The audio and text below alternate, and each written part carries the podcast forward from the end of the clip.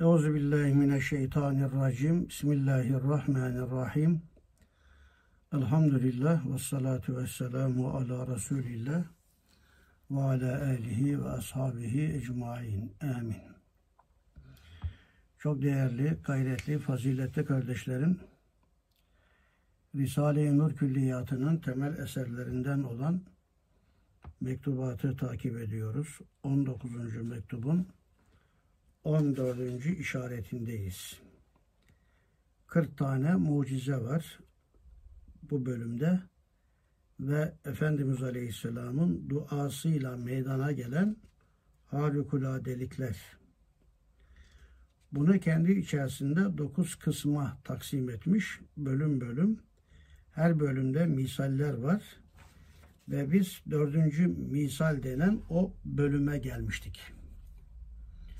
Dördüncü misalde denen yerde üç tane anlatılan vaka var.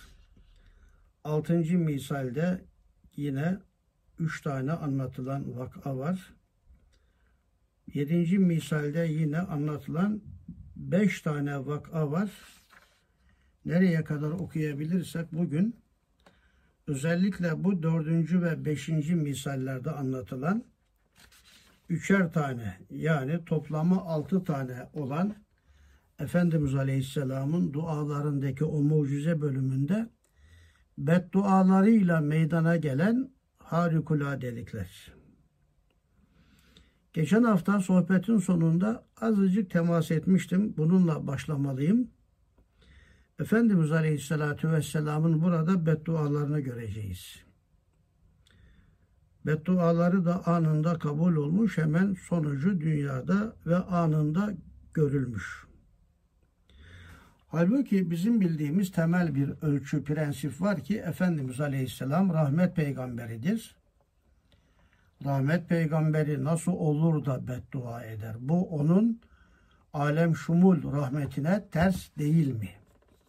Bu mesele sizin de kafanızı meşgul etmiştir. Herkes de bunu soru olarak size de sorabilir. Bu meseleyi çok iyi kavramak lazım. Evet Efendimiz Aleyhisselam kendisi de buyuruyor ki bu istü ena rahmeten ve la la'anen. Ben rahmetçiyim, rahmet olarak gönderildim. Ben lanetçi değilim. Hayatının genel safahatına baktığımız zamanda da beddua etmediğini görüyoruz. Mekke'de o kadar sıkıntılara rağmen Mekkelilere beddua etmemiş. Bir iki istisnası var gelecek. Uhud'da dişi kırılmasına ve amcasını kabul kaybetmesine rağmen hem de Allah teklif etmesine rağmen istersen Uhud dağını onların başına orada bile hayır demiş ya Rabbi. Onlar için hidayet talep etmiş. Beddua, lanet yok. Keza aynı mesele Taif'te, Taif seyahatinde dönüşünde taşlanınca Cenab-ı Hak yine istersen Taif'in dağlarını onların başına yıkayım. Hayır ya Rabbi demiş. Anlaşılıyor ki Efendimiz Aleyhisselam'ın genel prensibi beddua etmemek. Çünkü o bu istü ene rahmeten bu istü ene rahmeten yani ben rahmetçiyim, rahmet olarak gönderildim. Ve yine ayet ifadesiyle o ve ma erselnake illa rahmeten lil alemin ile serfirazdır. Ben sadece insanlara, cinlere, dünyaya değil, alemlere rahmet. Efendimiz Aleyhisselam ve işte genel prensibi beddua etmemek, lanet etmemek. Ama burada bazı bedduaları ve lanetleri var. Başka kitaplarda misalleri daha da fazla. Tekrar ediyorum Efendimiz Aleyhisselam'ın lanet etmesi, beddua etmesini onun rahmet olmasıyla nasıl telif edeceğiz? Şöyle telif edeceğiz. Geçen hafta 17. sözün birinci makamını okumanızı tavsiye etmiştim. Beş madde görünüyor orada. Sıkıştırdığımız zaman yedi madde var fakirin tespitine göre. Orada rahmeti ilahi ile gadabi ilahi telifini anlatıyor üstad. Allah'ın da rahmeti gadabından daha geniştir ve rahmeti ve siat külle şeyin ayet. Benim rahmetim her şeyi kuşatmıştır.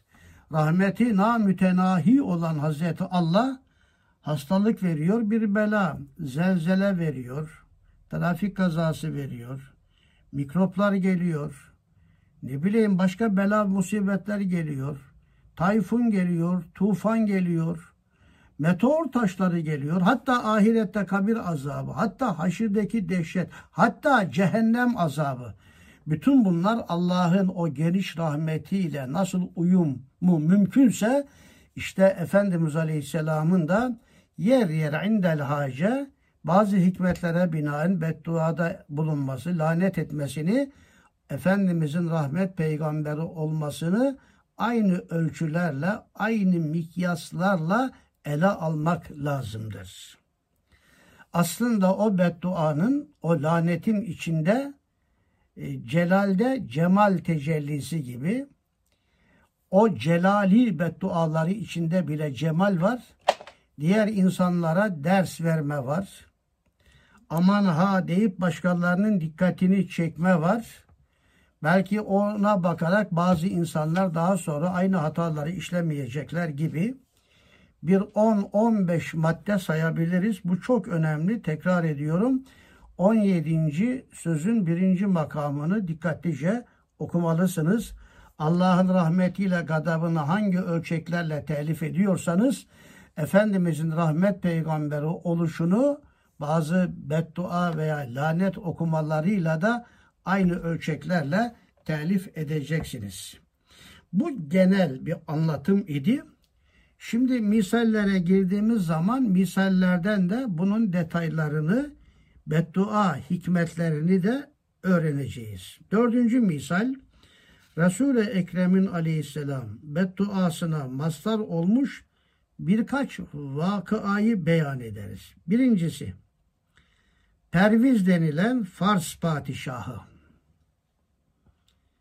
Name-i Nebeviye'yi yırtmış. Bildiğiniz gibi Efendimiz Aleyhisselam Hudeybiye musallasından sonra artık 10 sene harp olmayacak. Rahat bu dönemi değerlendirmek için yaptığı çok icraat var. Bunlardan bir tanesi de çok kıymetli elçileri vasıtasıyla e, mektuplar yazmış cihan imparatorluklarına, krallarına ve onları İslam'a davet etmiş. Onlarla beraber o bölge halkını da İslam'a davet etmiş. Er Risale filminde gördüğünüz gibi inanan var, yumuşak davranan var. Habeş Meliki Necaşi gibi daha inanıyor gibi daha sonra inanmış öyle olanlar var. Ama bu İran padişahı o zaman Fars medeniyeti ve ateşkede, ateşe tapan bunlar onların başındaki Perviz Efendimiz Aleyhisselam'ın elçisinin gönderdiği mektubu yırttı. Okumadı bile. Siz dedi Bedevi çölden gelmişsiniz biz medeniyiz, medeniyet kurmuşuz. Bize ders vermek sizin ne haddinize? Dedi ve Efendimiz Aleyhisselam'ın mektubunu yırttı. Elçi geldi Efendimiz'e vakayı anlatınca Efendimiz o Perviz'e şöyle beddua etti. Allahümme mezzik mülkehu. Ey Allah'ım ya Rab nasıl mektubumu paraladı, parçaladı. Sen de onu ve onun mülkünü parça parça et. Dedi İbn Saad tabakatında İbni Abdilber el-İstiabında Buhari ilimde Ahmed İbni Hanbel müsnette nakletmiş bu vakayı bize. İşte şu bedduanın tesiriyledir ki o Kisra, Kisra Han gibi, Hakan gibi, Firavun gibi o devirde Fars devlet başkanlarına verilen bir makam ismi, lakap. O Kisra Perviz'in oğlu Şirevey hançer ile onu paraladı. Yani oğlu tarafından parçalandı. Bu da kaynaklarla sabit İbn Hişam Siretün Nebeviyesinde özellikle. Sa'd İbn Ebi Vakkas da saltanatını parça parça etti. Bunu daha önce anlatmıştım El Kadisiye. Sa'd İbn Ebi Vakkas kumandasında Hazreti Ömer devrinde bütün saltanatı bile paramparça olmuştur.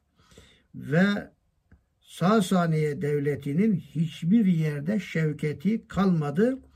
Fakat Kayser ve sair melikler Name-i Nebeviye'ye hürmet ettikleri için mahvolmadılar.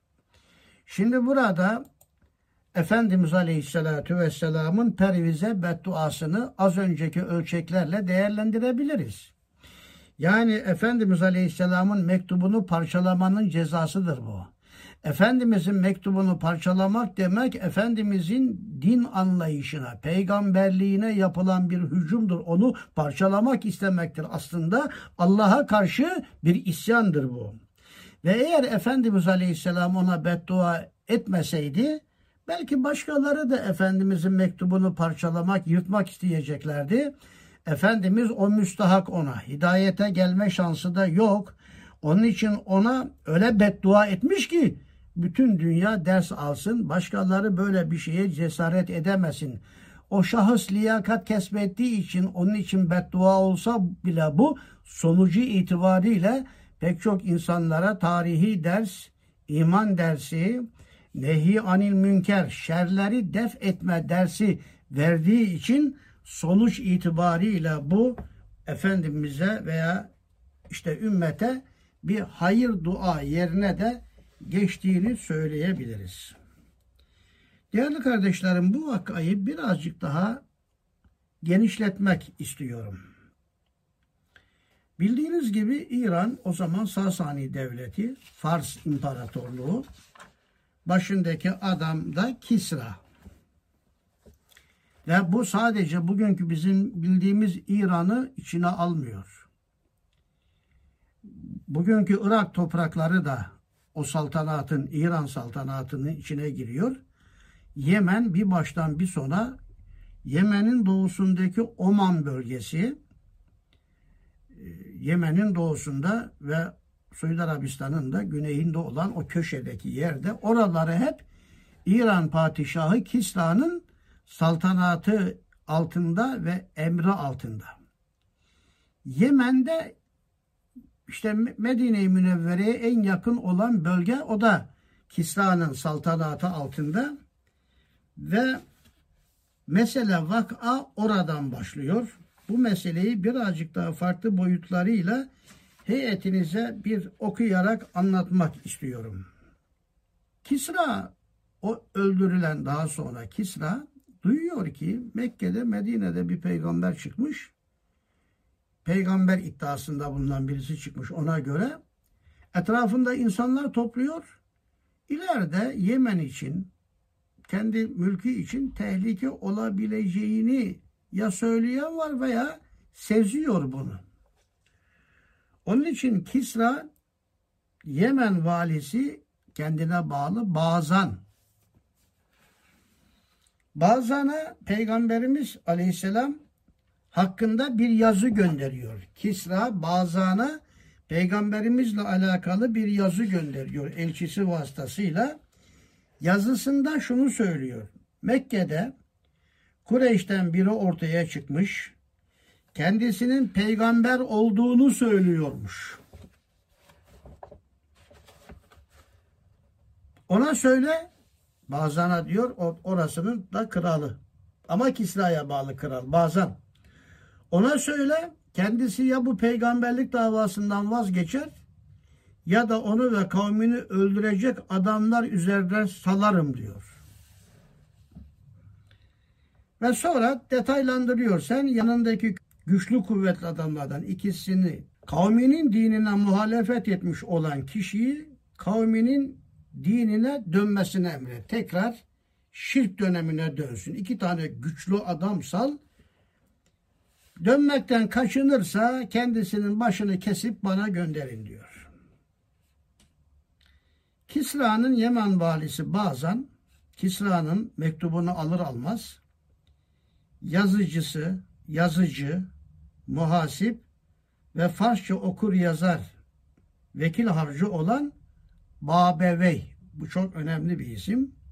Bazanın en güçlü adamı üç tane özelliği var hem yazıcısı hem muhasibi hem de Farsça okur yazarlık var bunda. Babevey yanına Farslılardan Hürre Hüsre adında ki bir adamı da katarak Efendimiz Aleyhisselam'a gönderiyor. Efendimiz'e gelenlerin adı Babevey ve bir de Hurre Hüsre diye bir zat.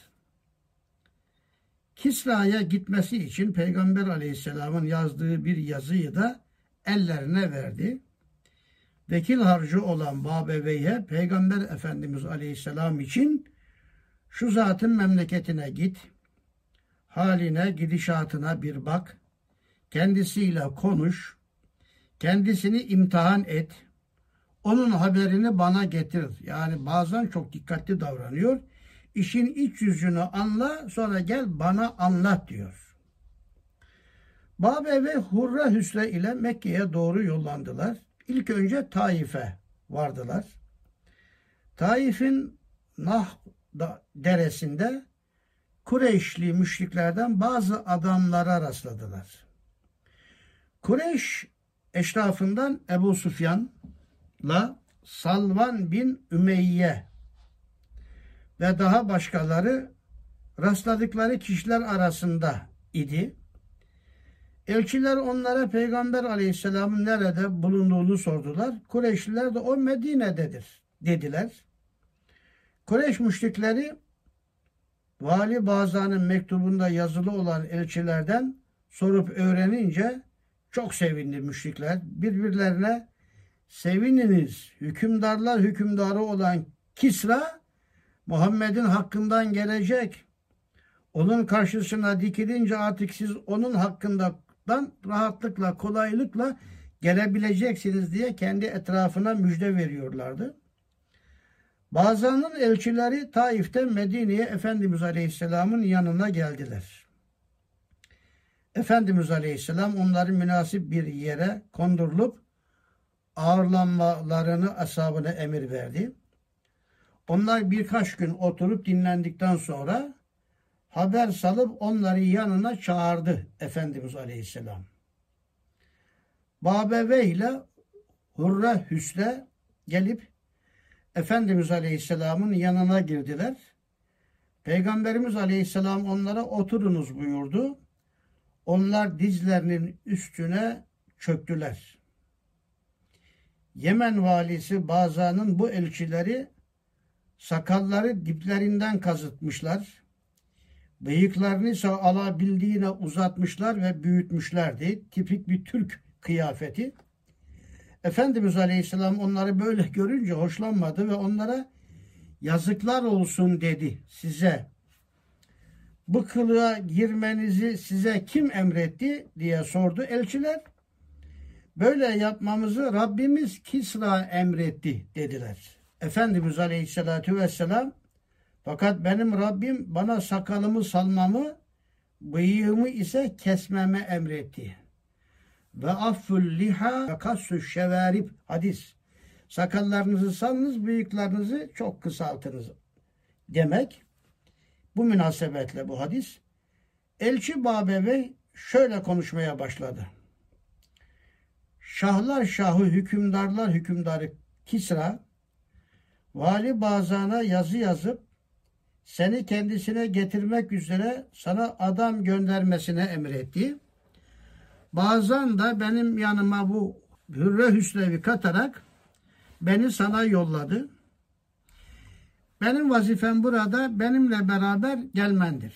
Beraber ya Kisra'ya ya Bazan'a gideceğiz. Efendimiz'e böyle diyor adam.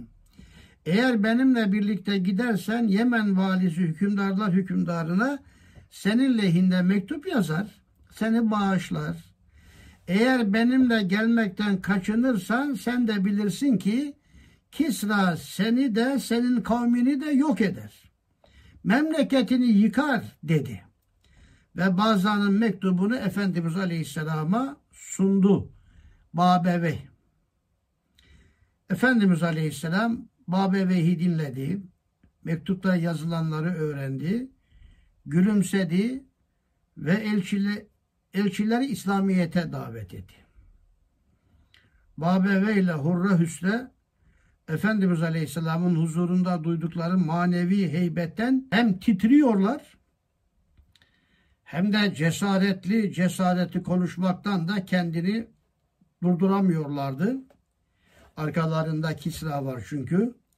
Efendimiz Aleyhisselam'a eğer bizimle gelmeyeceksen bari Vali Bazan'ın mektubuna cevabı bir mektup yaz biz o mektubu götürüp Bazan'a verelim dediler.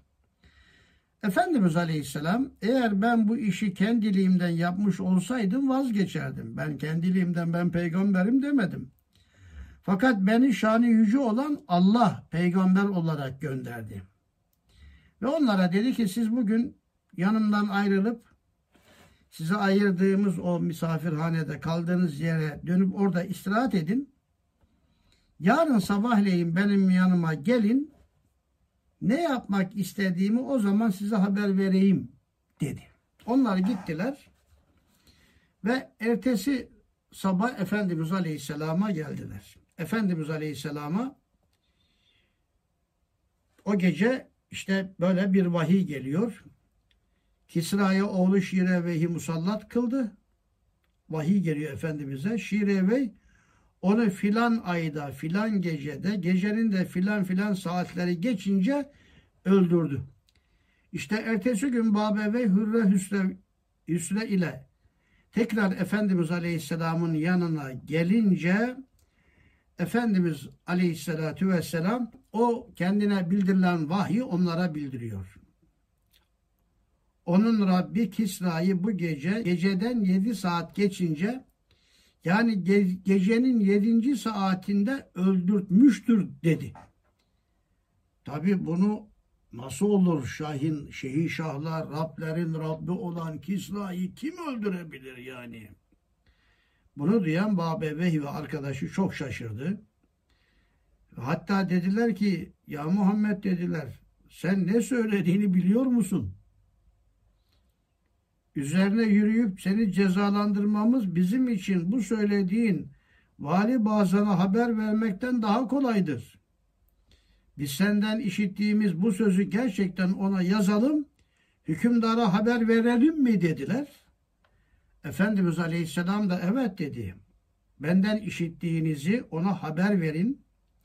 Hem de ona deyiniz ki benim dinim ve hakimiyetim Kisra'nın mülk ve saltanatının ulaştığı yerlere kadar ulaşacak.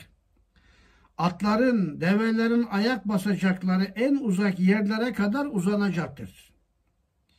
Yine ona deyiniz ki bazana eğer sen Müslüman olursan idaren altında bulunan yerleri sana vereceğim.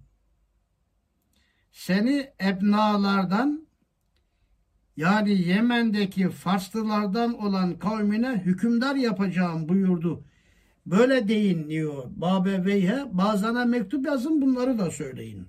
Efendimiz Aleyhisselam bir de elçilere söyleyeceklerini söyledikten sonra Hurra Hüsrev'e altın ve gümüşle işlenmiş bir kemer hediye ediyor Efendimiz Aleyhisselam. Telif-i kulüp. Onlara yumuşak da davranıyor Efendimiz. Ve bunu Efendimiz Aleyhisselam'a hükümdarlardan birisi hediye getirmiş. O Hürre Hüsrev'e verdiği altın ve gümüşle işlenmiş kemeri. Hürre Hüsre'ye bu kemerden dolayı zülmecaze daha sonra iman etti bu adamlar. Hürre Hüsrev'e zülmecaze dendi. Yani kemerli adam lakabıyla yaşadı ömrünün sonuna kadar. Hurre Hüsre'nin soyundan gelen oğulları ve torunları da bu atla anıldılar. Bu Zülmecaz'ın torunları yani oğulları diye tarihte öyle anılır hale geldi. Ve onlar gittiler Efendimizin yazdığı mektuplar, gönderdiği altın kemer vesaire ve gitti onlar aradan çok geçmemişti ki Vali Bazan'a Kisra'nın oğlu Şireveyh'ten bir yazı geldi. Gelen yazıda Şirevey şöyle diyor. Bundan sonra derim ki Kisra'yı ben öldürdüm. Babasını. Ben ona ancak Fars eşrafından birçok kimseleri öldürmeyi, onları hudut boylarında toplayıp tutuklamayı mübah saymasına kızdığım için öldürdüm. Bu mektubum sana gelince halkından benim için beyatını al ve de diyor ki Şire Bey Kisra'nın yani babasının sana yazmış olduğu o zat hakkında o Mekke'deki Medine'deki peygamber diye hani öldür yakala bana getir filan dediği zat hakkında da benim buyruğum gelinceye kadar bekle. Onunla alakalı bir iş yapma. Onun üzerine pek düşme diye Şire Bey'den bazana mektup geliyor. Efendimizin yanından giden elçiler de gidip aynı şeyi söyleyince hadiseler bu defa farklı bir mecraya intikal etmiş oluyor. Şire mektubu okunup sona erince Vali Bazan Efendimiz Aleyhisselam hakkında şöyle dedi. Bu zat muhakkak ki Allah tarafından gönderilmiş bir peygamberdir. Bazen iman etti. Zaten Hürre Hüsre'de altın kemer aldı gümüşle karışık. O da zaten Müslüman oldu. Aslen Farslı olup Yemen'de oturan ebnalar da Müslüman oldular. Allah hepsinden razı olsun. Kisra'nın öldürdüğü haberi geldiği sırada bazen hasta idi. Süvarileri bazanın başında toplandılar ve sen birisini bizim başımıza vali tayin et dediler. Bazen sizin için gelecek bir hükümdar her işin önünü sonunu gören gözeten bir hükümdar vardır. Siz şu zata uyunuz. Yani Efendimiz Aleyhisselam'a uymalarını, başlarına kimi tayin edeceklerini ona sormalarını tavsiye etti ve onun dinine giriniz Müslüman olunuz dedi. Ve bazen öldü. Bazen artık o ebnaların da başında kalamadı. Müslüman olarak öldü. Öldükten sonra ebnaların başkanı Efendimiz Aleyhisselatü Vesselam'a bir heyet gönderdiler. Müslüman olduklarını bildirdiler. Yani buradaki Efendimizin bedduasından şunu anlıyoruz. Bir, Efendimizin mektubu parçalanmaz. Efendimizin mektubuna, yazısına bile saygı gösterilir. Göstermezseniz akıbetiniz bak o perviz gibi olur. İki, pervizin yaptığı Kisra'nın o bölgede ta Yemen'e kadar yaptığı zulümler vardı. Böylece Efendimiz onun için beddua edip oğlu tarafından öldürüldüğü kendine bildirilip bunu da Yemen valisi Bazan'a bildirince mesele öyle net açık ortaya çıkıyor ki Perviz ölüyor ama fakat Yemen'de binlerce insan İslam'a girmiş oluyor. Daha sonra Efendimiz Aleyhisselam oraya Hazreti Ali'yi gönderdi irşat için. Daha sonra Muaz İbni Cebel'i gönderdi. Efendimiz Aleyhisselatü Vesselam eğer peygamber olmasaydı bunları bilemezdi. Zaten bütün meselede burada anlatılmak istenen bütün meselede budur. Efendimiz Aleyhisselam'ın bedduası anında kabul oluyor. Anında derken işte o dönemde ve mucizeler de bu şekilde arkasından peş peşe gerçekleşiyor ve İran'da gitti daha sonra. O mektubu yırtınca her şey bitti. Bakalım bundan sonraki günlerde neler olacak onları da beraberce takip edeceğiz. Efendimizin o mucizesinin seyrinde sahibi tasarruf zatları, mektupları, mesajları da böyle. Bunlara dikkat etmeyenler de onun kerameti içinde başlarına neler geleceğini de herhalde tarih gösterecektir. Dördüncü misalde anlatılan bu birinci vaka burada bir de Saad İbni Ebi Vakkas ismi geçiyor. Bunu daha önce anlatmıştım ama bu münasebetle bir defa daha tekrar etmek istiyorum.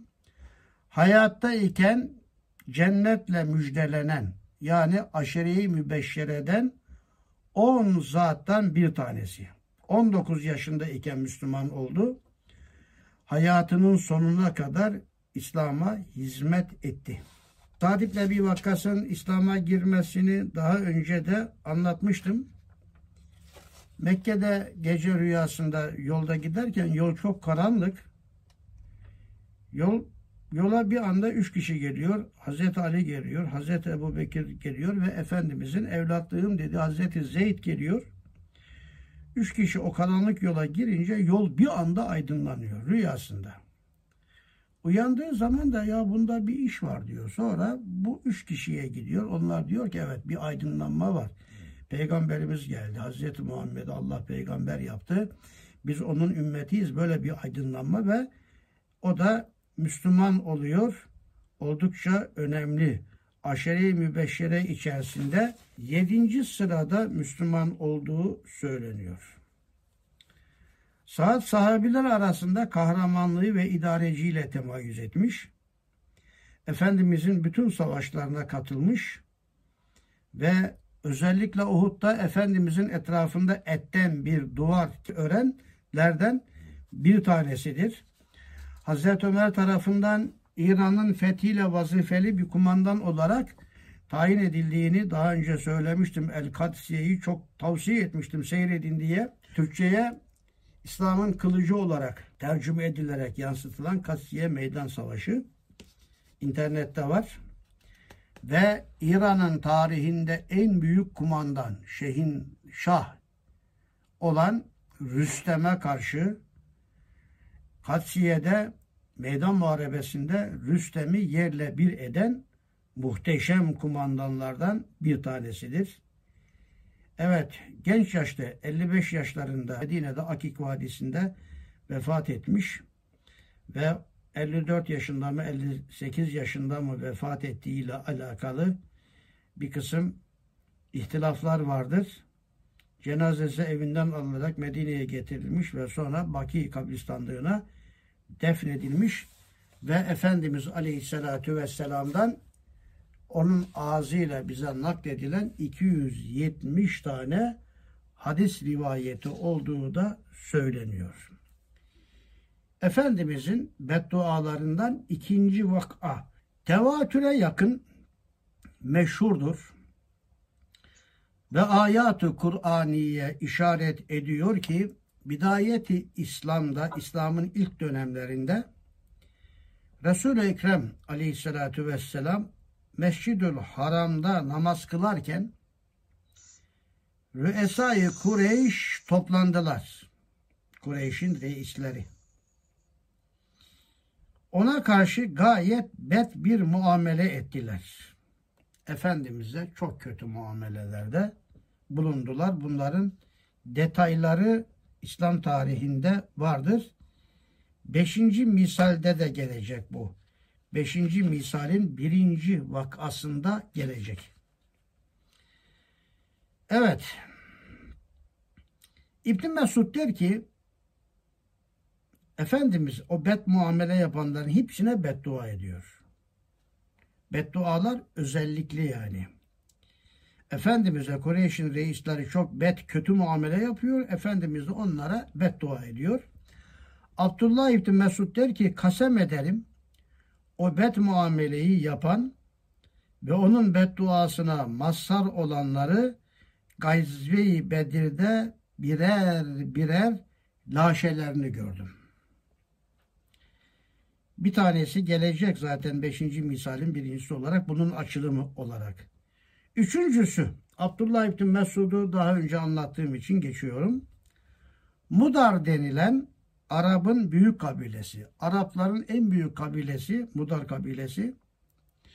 Çok büyük olduğu için koyunları, keçileri de oldukça fazladır.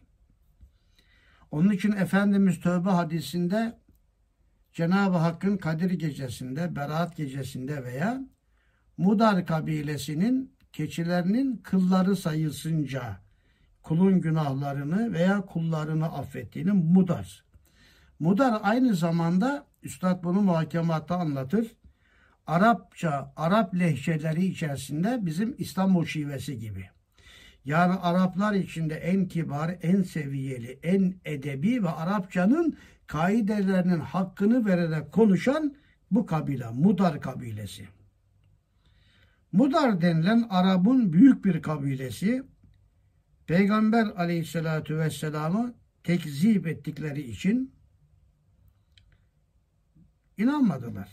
Onlara kaht yani kıtlık ile beddua etti Efendimiz. Yağmur kesildi. Haftalarca, aylarca yağmur yağmadı. Kaht ve gala baş gösterdi. Sonra Mudar kavminden olan kabileyi Kureyş, Kureyş'in de aslı Mudar, Resul-i Ekrem'e ta Medine'ye geldi Ebu Süfyan dahil. İnanmadığı dönemde bile dediler ki ya Muhammed Aleyhisselam dua et de bu Mudar'ın kıtlığı var yani. Hem inanmıyorlar. Efendimiz onlara beddua etti. Demek beddualar böyle ceffel kalem değil yani. Özellikleri var. Belli hedefleri var bu bedduaların. Daha sonra Efendimizin bu bedduasıya kıtlığı görenler bu defa Mudar kabilesi geldi. Toptan iman etti yani. Yani bedduaları bile celalde cemal tecellisi gibi. Sonra Mudar kavminden olan kabile-i Kureyş Resul-i Ekrem aleyhisselam iltimas ettiler. Araya girdiler, devreye girdiler.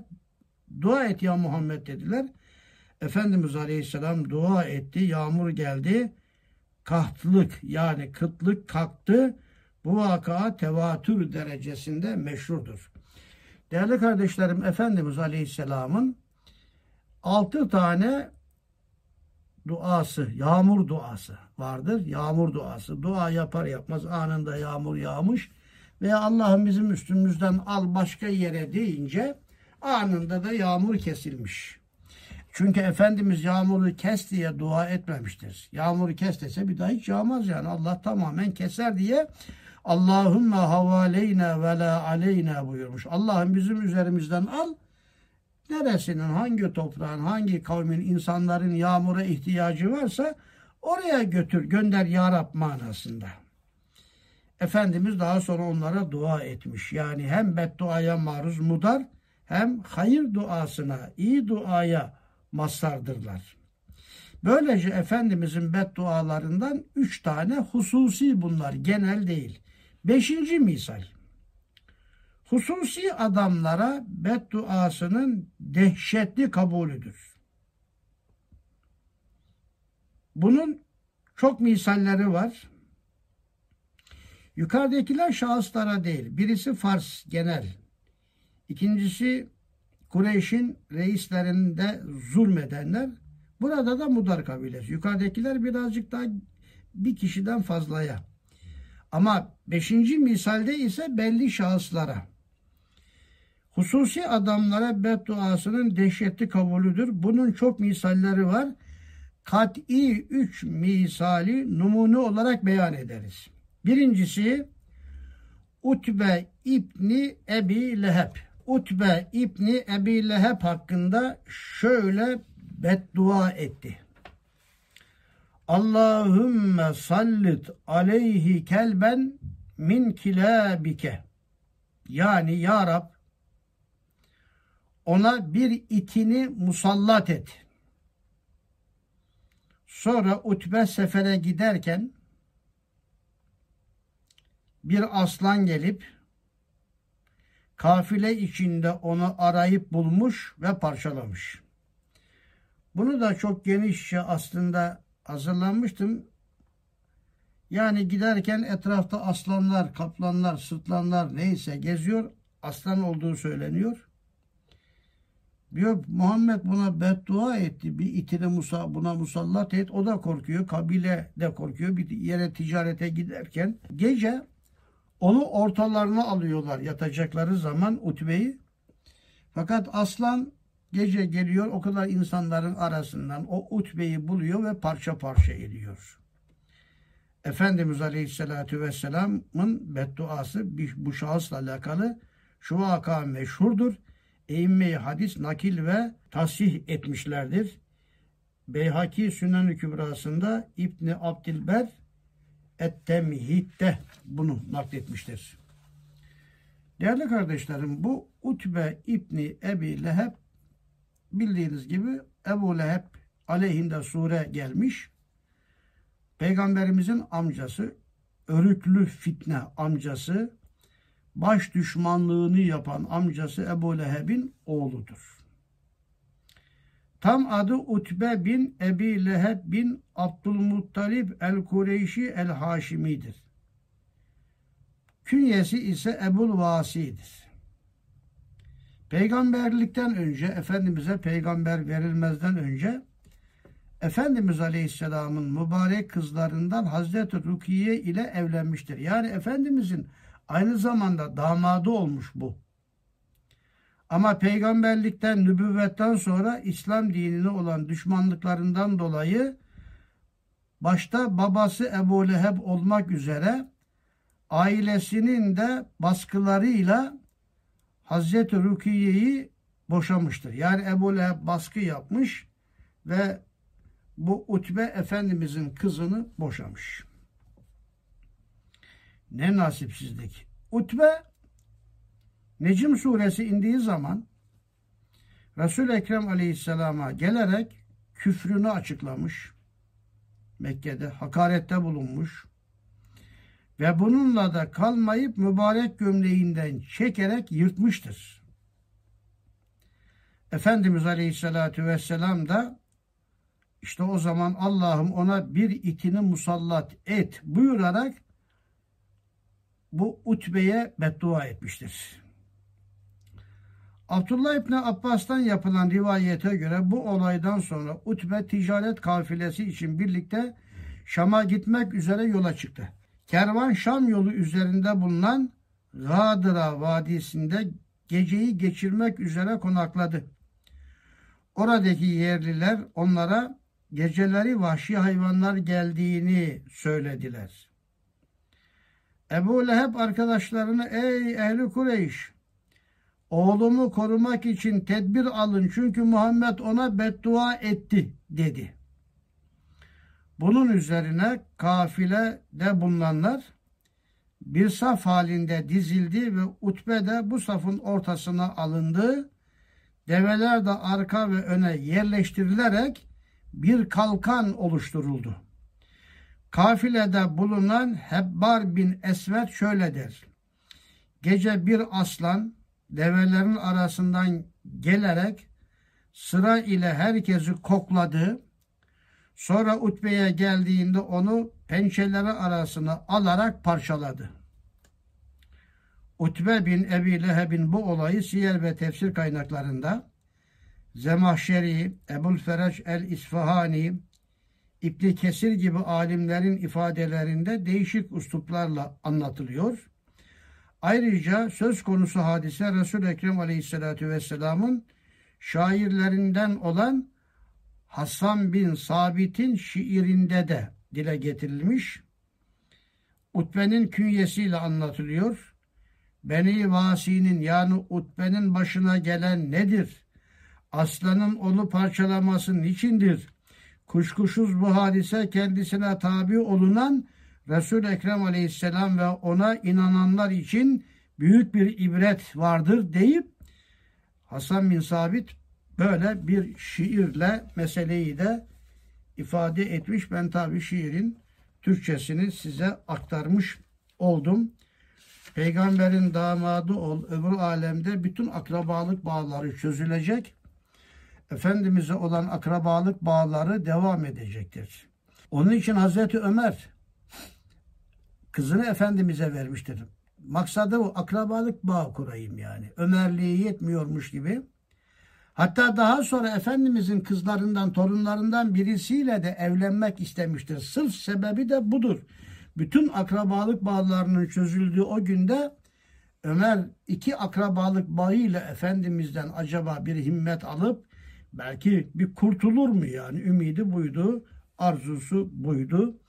Onun için önemli fakat Ebu Leheb'in oğlu Utbe Ebu Leheb de böyle bir şey yakaladığı halde ama bunu kaybetti yani. Zaten amca çocukları. Şahıslarla alakalı ikinci bir misal Muhallim bin Cessame'dir ki Amir İbni Azbat'ı Kadr ile katletmişti. Halbuki amiri resul Ekrem Aleyhisselam cihat ve harp için kumandan edip bir bölükle göndermişti. Muhallim de beraberdi. Bu kadının haberi resul Ekrem Aleyhisselam'a geldiği vakit, yetiştiği vakit hiddet etmiş. Allahümme la tağfir li muhallimi demiş. Ey Allah'ım muhallimi affetme. Beddua buyurmuş. Yedi gün sonra o muhallim öldü. Kabire koydular. Kabir dışarıya attı. Kaç defa koydularsa da yer kabul etmedi. Sonra mecbur oldular. İki taş ortasında muhkemce bir duvar yapılmış. O surette yer altında setredilmiştir. Bu Muhallim bin Cessame hakkında biraz bir de Amir İbni Azbat hakkında da malumat vermem gerekiyor. Bu Muhallim bin Cessame Mekke'nin fethine çıkıldığı bir sırada mücahitlerden bir grup Amir İbni Azbat el Escai'ye rastlamışlar. Amir onlara selam veriyor. Mücahitler ona dokunmuyor o zaman. Ancak işlerinden Muhallim bin Cessame aralarında daha önce olan bir anlaşmazlıktan dolayı o amire saldırıyor. Amir kelime-i şehadeti getiriyor. Müslüman olduğunu söylüyor. Ancak muhallim buna rağmen onu öldürüyor. Katil yani. Yani burada cihat filan yok. Daha önceki bir kısım art niyetlerin devamı olarak. Daha sonra amirin akrabaları Resulullah Aleyhisselam kan davası için geliyorlar. Resulullah Aleyhisselam akrabalarından diyeti alacaklarını söyledi. Muhallim Resulullah Aleyhisselam'ın huzuruna çağrıldı. Efendimiz Aleyhisselam o adamı Allah'a iman ettikten sonra mı öldürdün dedi. Sonra da onun için ey Allah'ım muhallimi affetme diye beddua etti. Ve bunu üç kez tekrarladı Efendimiz Aleyhisselam. Müslüman olduğu halde bir başkasını öldüren muhallim bu. Çok önemli bu. Bugün de hapishanelerde yüzlerce, binlerce insanı bu adamlar haksız yere masumen, mazluman öldürüyorlar. Aynı beddua onlar içinde. Allah bunları affetmesin yani. Yedi gün sonra muhallim üzüntüye dayanamayarak öldü. Onu defnettiler ancak toprak onu kabul etmedi diye az önce aktarmıştım. Efendimiz Aleyhisselam toprağın o muhallimi kabul etmediğini görünce yer o adamdan daha şerli kimseyi de şüphesiz kabul eder. Muhallimden daha şerlileri bu yer kabul etti. Yani Firavunları, Nemrutları kabul etti bu yer. Lakin Allah La ilahe illallah kelimesinin büyüklüğünü size göstermeyi sevdi dedi ve bu olay üzerine Nisa suresinin 94. ayeti kerimesi nazil olmuştur.